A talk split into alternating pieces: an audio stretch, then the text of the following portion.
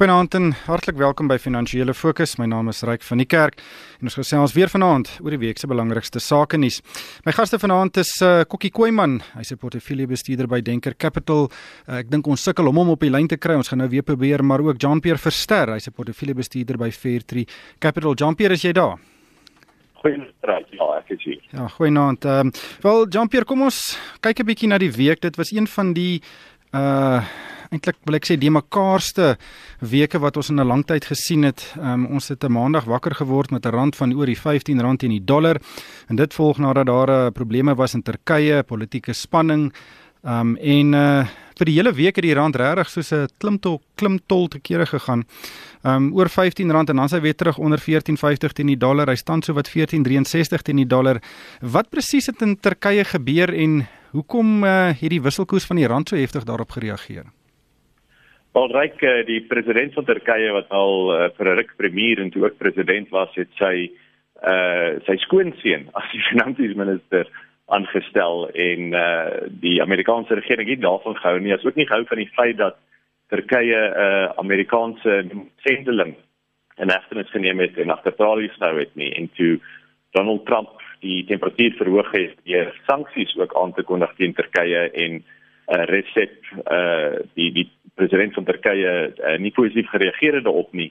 Uh toe 'n uh, klomp beleggers besluit om hulle geld onttrek van Turkye. Die reaksie van Turkye was nie om rentekoerse te laat styg nie, wat die met uh, meer ortodokse ekonomiese reaksie sou wees. Maar liewer volgens die president en die druk wat hy op sy skoonseun uitgeoefen het om te kyk of hulle nie rentekoerse verder kan laat daal nie. Uh, wat nie baie ortodoks is nie en dit het ongelukkig die ortodokse reaksie gehad. Dit is 'n baie skielike verswakking van die, Tur die Turkye lira uh, wat natuurlik inflasie gaan aanwakker in Turkye vir baie beleggers reg oor die wêreld laat twee keer dink dit oor ontluikende markte in die algeheel. En dat besef het dat baie keer is ontluikende markte meer fragiel en het hulle hoë skuldvlakke in dollar terme van daai regerings wat in dollars geleen het liewer as in hulle eie geldeenhede en dit het versprei en dit het uh, aansteeklik geword vir alle ontleikende markte insluitende Suid-Afrika. Hoe het Suid-Afrika gereageer uh in terme van die hele ontleikende markte omgewing. Ehm um, dit wil vir my voorkom asof die Brasiliaanse real en die Argentynse peso uh, eintlik heelwat erger as die rand gereageer het. Ja, en ook as jy teruggaan uh, die afgelope jaar, ek het in die Sonagkoerante gesien vir al die Argentynse uh peso uh en die Turkse ehm um, lira het baie baie swakker as die rand uh presteer en ook die afgelope week. So dit voel vir ons as Suid-Afrikaners ook gas. Ons het 15 rand teen die dollar behaal. Dis baie skielik, dis baie erg en ons kyk vir redes plaaslik en ons eie politici tot 'n groot mate word hierdie gedryf deur internasionale faktore en dit is so dat die ander lande self swakker gedoen het want ons sentrale bank het ons het 'n baie goeie reputasie. En om dit te sê, uh, het ons sentrale bank weer eens aangekondig dat hulle sien geen rede om in te gryp in ons valutamarkte nie en dit het internasionale beleggers daarom die versekering gegee dat daar nie 'n politieke reaksie sou wees op hierdie ekonomiese situasie nie. Kokkie, ehm um, is jy nou saam met ons? Ja, yep, ek is. Welkom Kokkie. Um, ek wil net by jou hoor jou gedagtes oor wat in uh Turkye gebeur het en en hoe dit Suid-Afrika gaan raak en ek weet dit is baie moeilik om te voorspel in hierdie onsekere tye, maar wat dink jy kan die medium tot langtermyn impak wees um op die Suid-Afrikaanse ekonomie? Ja, ryk uh, ek ek stem nie saam met baie van die kundiges wat ek nou luister wat sê dat die die randse daling is hierdie keer nie tuisgemaak nie, dit is dis Turkye se skuld. Ehm uh, ek dink ek dink Turkye speel 'n rol, is 'n bydraende rol, maar maar eh uh, die korrelasie is basies dat Turkye volg beleid ehm um, wat beleggers baie onseker maak En goed, nou die, die Turkse lire het al nou van jaar 50% gedaal en uh het om 9% uh, net hierdie maand. Ehm um, maar maar Turkye basies het het het baie swak beleid gevolg in terme van die beskerming van hulle geldeenheid deur in te meng met die sentrale bank. Hulle die reservebank, die sentrale bank nie toegelaat om rentekoerse te verhoog nie. En en so terwyl jy in die agtergrond Amerikaanse rentekoerse wat hoër wat hoër sal gaan en dan nog al die handels die handelsoorlogprobleme tussen Amerika en China probeer beleggers risiko internasionale beleggers risiko, risiko vermy En dan kyk hulle na Suid-Afrika en dan sien hulle maar ons volg al meer 'n populistiese pad. So jy weet dan soos die Turkse lire val en soos die Brasiliaanse real val en soos die Argentynse peso ook val, dan begin hulle sê maar jy weet hierdie storie in Suid-Afrika lyk vir ons baie na wat in Argentinië gebeur het en wat in Venezuela gebeur het en en en dit lei tot uh jy weet so ek ek ek dink verder onsekerheid in, in Turkye skep meer onsekerheid oor opkomende markte.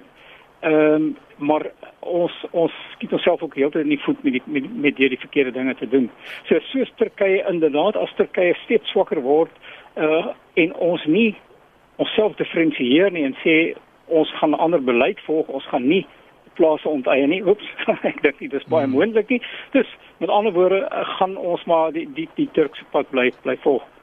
Maar eh, Kokkie, weet as mens nou 'n bietjie terug staan en en kyk, weet baie mense in Suid-Afrika sal vir jou sê nee, ons is nie naby Venezuela nie, ons is nie naby eh, Brasilië nie, ons het nog glad nie die probleme wat Argentinië het nie en jene, ons het ook nie die probleme wat in Turkye het nie. Is dit 'n 'n para in 'n in 'n warm water scenario? Ehm um, waar staan ons in verhouding met daardie lande dink jy? Net reg. Ons ons is nog maar aan die beginpad.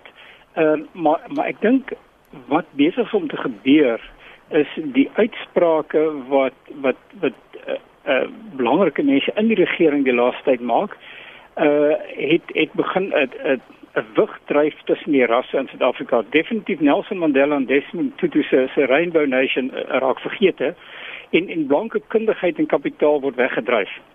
So jy weet jou jou toenemende proteste teen swak dienslewering en en en en en die shambles om net so te sê en die skuldlas by jou staatsbeheerde ondernemings beteken die ANC moet belangrike besluite neem, maar hulle neem dit nie. So al hoe meer begin beleid korttermyn en populisties raak, presies soos ons gesien het in in Argentinië ook onder ehm um, Lula da Silva later in in in sy opvolger in Brasilië en ook in Venezuela waarom om steeds weer die verkiesing te wen en en die oningeligte kieserkorps tevrede te hou maak hulle die verkeerde skuif en daar in Suid-Afrika is die politieke uh, debat die altyd gaan oor grondhervorming wat glad nie gaan werk skep nie wat glad nie gaan die land se ekonomie laat groei nie. Daar is geen sprake van beter opleidingsskool uh werkskepping uh, en ek dink dit is wat buitelandse beleggers sien en hulle sê man die rigting waarin Suid-Afrika gaan en jy's reg en baie van die kundiges is reg dat ons nog aan die begin maar die rigting waarin ons beweeg is definitief verkeerd. En dan moet jy in gedagte hou dat ons loop op 'n begrotingstekort verder is ons belastingbasis voortdurend besig om te immigreer en en en selfs die belastingbasis wat agterbly groei nie maar die staatsuitgawes groei. Eskom het baie groot salarisverhogings gegee. Uh dus jy het 'n uh, jy het 'n begrotingstekort gaan erger word, jy het 'n skuldlas wat erger word. So ek dink ook wat beleggers sê maar Suid-Afrika is baie vinnig om in Engels word gepraat van 'n debt trap, 'n skuld ehm um, vol of wat is die regte skuldslagyster 'n skuldslagyster ons beweeg na skuldslagyster en ek sal baie baie verbaas wees uh, as as as Moody's en so ons nie begin afgradeer gedurende hierdie jaar nie. Hmm. Ehm um, Jean-Pierre kom ons uh, gesels oor Eskom uh, waarna Kokkie nou verwys het nou hulle het hierdie week uh, ooreenkomste bereik 'n uh, salarisverhoging van 7.5% van jaar en dan ook 7% verhogings in die volgende 2 jaar. Um, en dan ook 'n 10000 rand bonus um, wat Eskom 'n ekstra 1 miljard rand gaan kos. En dit kom natuurlik nadat die Eskom bestuur uh, 'n uh, paar maande gelede gesê het ons gaan geen salarisverhoging toe toestaan nie. Ons het net eenvoudig nie geld nie en die in die maatskappy is in die moeilikheid. So die vakbonde het werklik hier 'n uh, ek weet nie of mense dit kan noem 'n haas uit 'n hoed getrek nie en of die uh, Eskom bestuur maar net soos 'n uh, haas onderhandel nie. Uh, wat is jou siening van wat hier gebeur Ja, ongelukkig lyk dit asof die onderhandelingsmag geswaai het na die uh, na die werkers toe en dit onthou rykom na dat ons baie sabotasie gesien het in daai week van Eskom met um, met uh, onderbrekings in die lewering van elektrisiteit in Suid-Afrika. So ongelukkig lyk dit asof ons almal half met die geweer opgehou word deur uh, arbeidsmagte om te sê dat uh, as hulle nie die tipe verhoging skryf wat hulle eis nie, dan sal sabotasie aan die uh, aan die dag dan die orde van die dag wees. So baie teleurstellend om dit te sien. En ek sê dit is teleurstellend van 'n makro-ekonomiese oogpunt. Dat natuurlik wil mense hê dat mense daarom 'n loon kry om kos op die tafel te sit. Maar op dieselfde tyd help dit nie dat eh uh, diegene wat wel 'n werk het, hospitaal wil kan sit, maar al hoe minder mense het werk nie. Want die noodwendige reaksie van Eskom sal wees in die volgende paar jaar om te sê as ons net soveel rande het vir ons begroting vir die arbeidsonkoste en ons het onsself uh, reeds verbind tot 'n sekere verhoging, dan is die enige noodwendige geval dat minder mense in diens geneem gaan word. So waar ons 'n verhoging sien in mense se lone, sal ons ook 'n verhoging ongelukkig sien in werkloosheid en dit is nie goed vir die Suid-Afrikaanse ekonomie nie. Ja, en ook nie vir die fiskale posisie van nie net die regering en Eskom nie, maar uh, uh eintlik vir die vir die hele land, die soewereine uh gradering. Um Kokkie, ons het hierdie week ook gesien die banke, verskeie banke het resultate bekend gemaak. Um Absa, Standard Bank en Nedbank, um ek dink Absa was voor verlede week en hulle het almal maar uiters uh bedeeste winsgroei van enkelsyfergroei getoon. Uh hier 4 5 6 uh 7% rond. Um en al die weet uitvoerende hoofde het gesê hulle kry maar die wind van voor. Dit gaan nie goed in die ekonomie nie. Hulle kan dit sien. Uh mense leen nie meer nie. Uh wat was jou algemene indruk van van die boodskap wat die banke se resultate gee? Ja, ek dink ek dink jou jou woordkeuse dat bedeeste resultate is is, is baie goed opgesom. Uh, maar dit weerspieël die die swak ekonomie. Uh dus as jou ekonomie nie groei nie, kan jy banke nie leen nie of die banke leen nie omdat daar nie vraag is uh na krediet nie en uh en dan die enigste interessante punt gaan wees die die bank wat in sekere sektore wel geleen het, huislenings en persoonlike lenings en en en uh, motorfinansiering was Absa. En dit is altyd 'n bietjie kommerwekkend as jy in 'n swak omgewing wel sterker leningsgroei toon. Ons sal later sien of dit slegte skulde gaan word of nie. Maar maar die resultate, uh, jy kan ook sien al die banke fokus natuurlik op koste. Uh, die teenoorgestelde as Eskom. so, hmm. jy weet, hulle hulle hulle moet hulle koste laer hou as hulle inkomste groei. Dis dit beteken hulle neem nie mense in diens nie en oral word gekyk na waar hulle wel kan sny en om meer effektief te wees. Interessant wel met met met al die banke is dat die slegte skulde baie laag gebly het. Uh en en en dit beteken dat uh die banksektor het het, het natuurlik hierdie redelik ver al sien aankom was baie konservatief in hulle leningsbeleid. Ehm um, en dat die maatskappye wat wat nog oorleef op die oomblik uh, uh is is gesond en word nie so seer deur bankkrediet aan die gang gehou nie. Wel ons weet nie as die ekonomie nog regtig verslegter wat dan gaan uitkom nie. Uh Maar ja, die die die bankresultate wys eintlik maar net 'n swak ekonomie. Die vooruitsigte lyk ook nie goed nie. Standard Bank lyk meer goed omdat jy weet hulle natuurlik 'n groter Afrika gedeelte het waar die res van Afrika vinniger as Suid-Afrika gaan groei. Uh maar die maar die ken gaan steeds wees op op 'n baie uh sterk beheer van onkoste totdat die ekonomie begin groei. Ja. Jean-Pierre, jy's 'n direkteur van Capitec, so ek gaan jou nie vra wat jy dink van julle mededingers se resultate nie, maar een van die onderwerpe wat taamlik indringend bespreek is uh, tydens al die voorleggings was die gronduit onteiening sonder vergoeding. Natuurlik is banke een van die sleutelspelers daar want daar's soveel baie uh weet lenings wat hulle aan die, landboubedryf en aan aan aan die eiendomssektore um, leen. Um Mike Brown het gesê uh hulle gaan uh, voorleggings doen uh, wat hulle hulle teenkanting vir die verandering van artikel 25 van die grondwet gaan gaan uitspreek. Maar hy sê hulle praat met die regering Sim Chabalala van uh, Standard Bank het gesê hulle is nog nie paniekerig nie maar hulle soek sekerheid. Hulle wil weet wat die regering wil doen. Dit moet vinnig gebeur.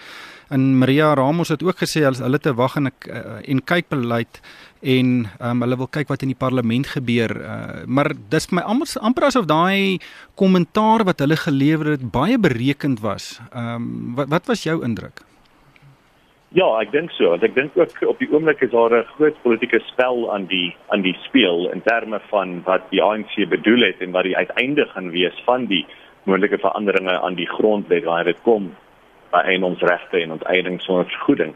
Maar die probleem is terwyl ons almal wag vir hierdie spel om uit te speel en mense hoop dat Cyril Ramaphosa is 'n meesterspeler, skaakspeler in hierdie in hierdie analogie en hierdie politieke spel het ons al klaar hierdie negatiewe sentiment en diegene wat amper as sprits uh die die uitsprake negatief uh sien en dit is meestal die EFF wat 'n klare impak het. Ek ek weet persoonlik reeds van 'n paar besettings wat gebeur het in Gauteng wat eiendomspryse in die omgewing uh reeds laat daal het. Ons het vandag weer eens in die koerante ook gelees van sekere eiendomme, sekere plaatseiendomme waar daar ook sprake al reeds is van onteiening So terwyl ons almal wag vir die hele proses om die grondwet te te, te verander of moontlik te verander, ongelukkig is daar klaar 'n negatiewe impak net hier dit voor te hou as as enigstens moontlik. Want dit is nie dat mense wil hê nie. Mense wil nie hê dit moet enigstens selfs moontlik wees. Of enigstens die idee kry dat die regering dink daaraan om te lol aan eiendomsregte nie.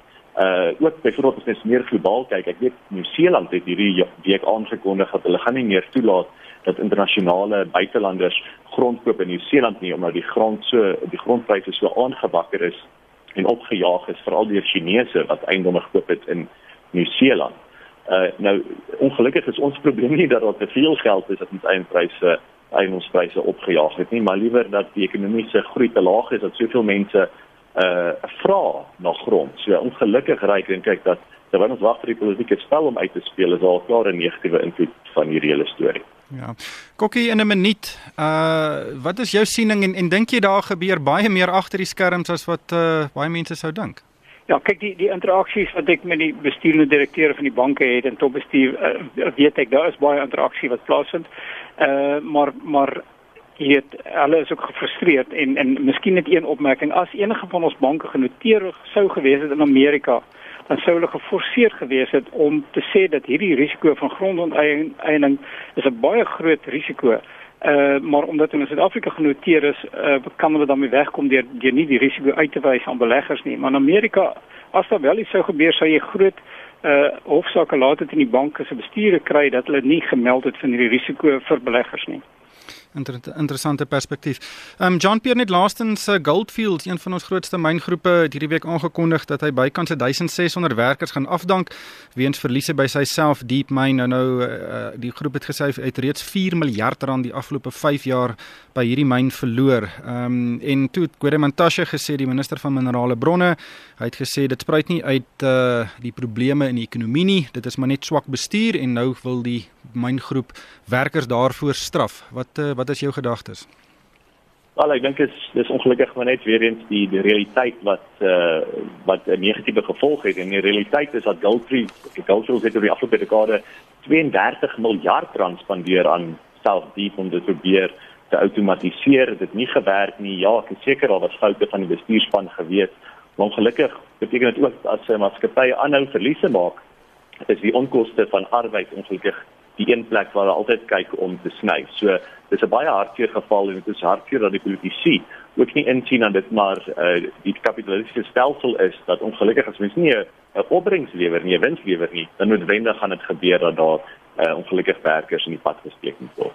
Ja, dis uh, dis 'n hartseer storie en dis weier is net die goudmynbedryf is ook uh, natuurlik in die platinumbedryf die geval. Ons het nou uh, weet in in, in Selfdiep is 'n interessante myn. Hy's uh, 3 km diep en hy het die grootste goudreserwes uh, of bewese goudreserwes in die wêreld en die myn het die, die potensiaal om tot uh, 2090 nog uh, goud te produseer. So ons sal maar kyk wat daar moet gebeur en hooplik kan hy winsgewend word in die nabye nabye toekoms. Maar ongelukkig hierdie ongelukkig hierdie tyd ons ingehaal baie dankie aan Kokkie Koeman. Hy's 'n portefeuljebestuurder by Denker Capital en John Pierre Verster. Hy is by Fairtree Capital en vir myself ryk van die kerk. Dankie vir die saamluister en ek hoop almal het 'n winsgewende week.